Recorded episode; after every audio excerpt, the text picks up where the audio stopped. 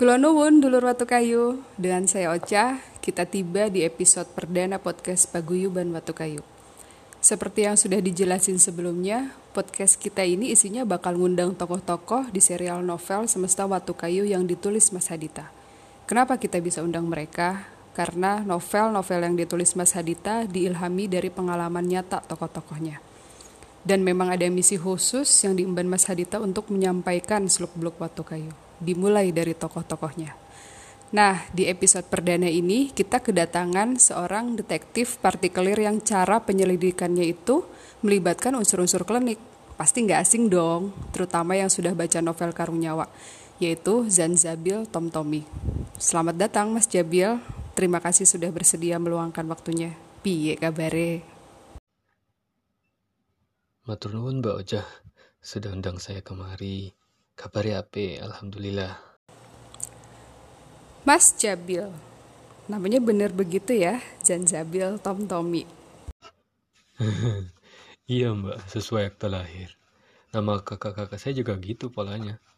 Sebenarnya pengen dipanggilnya Tommy tapi ya wes sudah pada biasa manggilnya Jabil. Oh oke okay, oke. Okay. Kita mau tanya-tanya nih mas seputar kegiatan Mas Jabil sebagai detektif klinik. Boleh kan ya saya nyebut begitu? Karena unik sih, detektif tapi klinik. Kalau nggak salah, kasus yang berhubungan dengan klinik pertama yang Mas Jabil selidiki sekitar tahun 2014 ya? Boleh mbak disebut gitu. Hmm, kedengarannya keren juga. Hmm, meski saya nggak buka jasanya secara resmi sih. Hmm, bener, waktu kasus Toklu itu di tahun 2014 itu yang pertama dan jadi pukulan berat juga buat saya.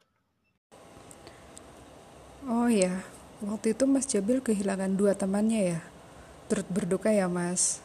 Waktu pertama itu apa sih yang mendorong Mas Jabil turun tangan pengen nyelidiki kasus mutilasi itu? Tujuan utama saya waktu itu sebenarnya simpel mbak. Itu uh, mengatasi rasa takut saya dan teman-teman. Terutama buat si Hanoman Ganteng karena kan dia yang tujuh tahun sebelumnya tuh pernah nemuin mayat perempuan tanpa kepala itu. Saya pikir ada kaitannya jadi saya mulai dari situ nyelidikinya berarti Mas Jabil suka cerita detektif ya? Uh, iya saya saya suka cerita detektif. Paling suka tuh serial imungnya uh, Arswendo Atmowiloto Sebenarnya juga saya mah agak jago-jago amat sebagai detektif. Cuma ala-ala aja. Saya suka karena detektif itu seperti main puzzle, Mbak. Saya suka ngumpulin info-info, lalu narik benang merahnya, cross-check hipotesa atau teori saya, lalu main logika. Uh, agak lucu juga sih, Mbak. Karena saya mainnya di ranah klinik tapi pakai logika ya. Yang penting uh, bagaimana cerita-cerita itu kita sambungin cross check terus tarik kesimpulan. Meski info-infonya itu sifatnya hanya kata-kata nih orang karena urusan gaib dan klinik itu uh, mulut satu sama mulut orang lain itu beda-beda versinya. Tapi mas punya teman yang paham urusan begituan kan? Ada anak indigo ya? Uh, dia nggak suka sih disebut sebagai anak indigo. Ya namanya sih tarom gawat suka bilang gawat gawat gawat kalau lagi pertama waktu itu ngelihat setan. Hmm. anak kiai tapi kiai Ki Gufron sering disebut dukun sama orang-orang. Nah paling saya cross checknya sama dia mbak. Teori saya tentang klinik saya tanyakan ke dia. Dari situ saya lanjut lagi ke proses berikutnya. Sebenarnya agak-agak keder juga kalau berurusan dengan tarung gawat. Suka bawa teman-teman gaibnya soalnya bocahnya trik banget. Paling ingat waktu itu kita mau bantu temen ngusir demit yang nempel. Berangkatnya waktu itu tengah malam banget. Kita pakai bajunya biasa-biasa ya tapi si tarom gawat ini masa masih pakai baju pramuka? Oh ya saya ingat bagian itu. Lucu banget tapi akhirnya waktu itu ketemu kan ya pelaku utamanya? Iya mbak. Uh, Sesuai seperti yang diceritakan Mas Hadid sih di novelnya. Kita semua nggak nyangka pelakunya ternyata dia. Itu uh, pukulan keras pertama di sepanjang saya dan teman-teman khusus ngusut kasus itu. Pertahanan kami goyah dan itu kesalahan fatal pertama saya sebagai detektif.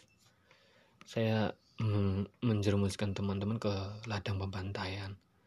Dari berempat, hanya saya yang cukup beruntung masih selamat dan agak waras waktu itu. Pasti berat banget. Saya nggak bisa ngebayangin ada di posisi Mas. Berat banget. Lalu apa yang Mas Jabi lakukan waktu itu untuk mengatasi kesedihan itu? Kalau nggak salah, sempat dua tahun nggak ada kabarnya. Oh, waktu itu saya mondok mbak, dua tahun. Di padepokan temannya Ki Gufron, kakeknya Tarom. Lumayan lah saya belajar banyak lagi tentang ya agama. Agamanya sih uh, universal ya, nggak cuma satu agama doang. Terus juga dikit-dikit tentang alam gaib. Terus bagaimana kita nyikapin uh, dua alam uh, nyikapin keduanya dengan kepala dingin. Uh, takut itu lumrah mbak. Tapi ketakutan yang utama itu mestinya kepada sang pencipta kita ya selama dua tahun itu saya mondok di padepokan saya akhirnya bisa merelakan teman-teman saya pergi mbak Terus tahun 2016 Mas Jabil usut kasus baru lagi ya? Apa tuh yang mendorong Mas Jabil akhirnya turun gunung lagi? Iya mbak, uh, ada kasus mutilasi lagi emang. Saya kasih kasus nama kasusnya kasus kambing tengkorak. Karena teman saya si Yogo Keling yang dapat penglihatan itu, kasihan ya. Emailnya dua tahun gak saya gubris. Soalnya di pondok nggak ada internet ya nah eh, setiap sore tuh Yogo ngelihat ada sosok laki-laki pakai topeng kambing bertanduk nyeret orang di rel lalu ditinggalin gitu aja pas mau ada kereta lewat tapi pas disamperin si orang kambing sama korbannya hilang. Baru muncul besok pagi korbannya. Dengan anggota tubuh udah ada yang buntung. Kaki tangan ganti-ganti pak hampir tiap hari enggak sih? Seminggu dua minggu gitu selangnya. Ih serem itu mas. Terus ada alasan kuat lain kenapa mas Jabil akhirnya turun tangan? Eh uh, ada mbak. Tapi mas Hadita pesen jangan terlalu detail karena takut tar spoiler buat buku kelanjutan nih karung nyawa. Uh, yaitu saya dapat wangsit kalau salah satu teman saya yang pergi sebenarnya gak benar-benar pergi. Di situ sebenarnya saya kalut juga sih mbak. Tadinya saya sudah ikhlas tapi pas dengar info itu pangsit itu saya jadi punya harapan lagi. Bahkan uh, saya jadi pengen uh, dua teman saya itu balik lagi mbak ya nggak tahu caranya yang penting mereka bisa balik lah gitu Mas Jabil bikin tim baru lagi ya? Yang gantiin posisi Tarom Gawat siapa mas? Oh ada mbak, sepupunya Tarom Gawat. Namanya Tamiul Nisbi. Dia lebih gawat sih dari Tarom. Bisa tiba-tiba ngilang gitu masuk ke alam gaib. Wah, dengar-dengar alam gaib yang kita omongin ini sebenarnya bukan alam gaib yang selama ini kita kenal ya mas? Saya kurang paham sih mbak, tapi Mas Hadita bilang gitu juga ya. Tamil Nisbi gitu juga bilangnya. Kiai di Padepokan uh, juga bilang gitu. Jadi ada alam gaib yang lebih gaib dari alam gaib yang kita kenal. Duh ribet deh. Nah, Tamil Nisbi ini suka hilang masuk ke alam itu mbak. Oke, okay. balik ke kambing tengkorak. Pelakunya akhirnya ketemu kan mas? Iya mbak, ketemu kok dan cukup plot twist juga sih karena lagi-lagi ada kaitannya dengan orang terdekat di sekitar kita tapi kali ini saya dan teman-teman lebih siap Alhamdulillah mah tidak seberat waktu pertama tapi uh, misteri yang terungkap lebih dalam dan kompleks. Menarik. Itu kayaknya yang bikin Mas Hadita belum juga ngeluarin bukunya ya. Mungkin Mbak, saya sambil cerita juga sih sekarang untuk kasus ketiga saya di terus sama yang kasus keempat. Oh, kasus ketiga. Gimana tuh mas? Hmm, kasus ketiga itu di tahun 2018-an. Sebenarnya itu bukan beneran kasus. Saya cuma gali-gali cerita lama aja tentang pasangan yang tak direstui cintanya. Itulah mbak, mbak uh, kisah cinta dua dunia gitu deh semacam itu. Tapi uh, ternyata itu ada kaitannya dengan kasus-kasus sebelumnya yang pernah saya usut.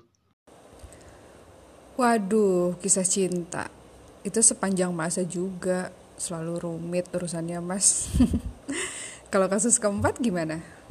Uh, kasus keempat itu masih saya usut mbak sekarang. Pas banget pandemi baru dimulai, pandemi COVID ini, kasus itu muncul. Saya nyebutnya dengan kasus Halimun. Nah, kasusnya itu uh, anak-anak di sekitaran pojok Purwosari, Tobo, pun sampai Bonagung itu pada ngilang anak-anak remaja pas maghrib. Sampai sekarang belum ketemu. Pusing saya mbak. Waduh merinding saya. Maaf loh mas. Saya jadi ganggu proses penyelidikannya. Semoga mereka segera ketemu dan dalang dari itu semua bisa terungkap. Amin. Uh, rapopo mbak. Saya kebetulan juga lagi buntu ini. Uh, siapa tahu habis ngobrol dari sini teh saya dapat ilham buat ya ide lah wangsit atau apa gitu bisa masuk terus saya ngusut lagi. Amin semoga. Oh ya mas terus warnetnya masih jalan? Masih. Urusan warnet tuh saya percayakan ke Mas Dukun Gondrong. Nah, terus saya kebetulan ya alhamdulillah dapat duit lagi terus bikin markas detektif klinik di lantai dua jadinya saya seriusin Oh, dikomersilkan sekarang nih jasa detektifnya. ya, kalau bisa bantu memecahkan misteri, kenapa enggak mbak dapat duit daripada goreng-gorengan? Uh, sebenarnya gak apa-apa sih saya dibayar gorengan, asalkan tiap hari. Oke deh, kayaknya cukup ya, biar Mas Jabil bisa kembali usut lagi kasus Halimunnya kami teman-teman Paguyuban Batu Kayu nunggu cerita petualangannya selesai ditulis sama Mas Hadita. Terima kasih Mas Jabil sudah hadir. Semoga usahanya berjalan lancar dan jangan lupa Mas Eling lan waspada. Sama-sama Mbak. Bener-bener itu yang suka dibilang Ki Gufron dan Kiai pada pekan saya. Eling lan waspada. Selalu ingat sama tetap siaga. Nah, begitulah dulur Watu Kayu obrolan di podcast pertama kita. Kalau ada yang penasaran dengan kasus Toklu, bisa baca lengkapnya di novel Karunyawa. Masih beredar di all shop dan toko buku, atau bisa tanya langsung ke Mas Haditanya gimana dapetin bukunya. Akhir kata dari saya, terima kasih sudah menyimak obrolan perdana ini. Nantikan episode berikutnya ya, kita bakal undang tokoh di novel dalam kurung. Coba tebak siapa. Salam Eling lan waspada.